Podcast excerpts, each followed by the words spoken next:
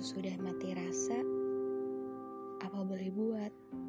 Orang-orang yang mati rasa kebanyakan adalah orang-orang yang dulunya tulus namun sempat dikecewakan.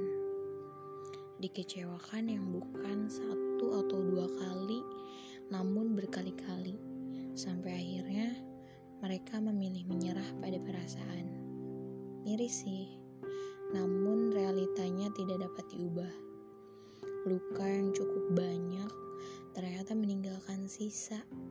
Iya, sisa ketidakpercayaan di relung hati seseorang.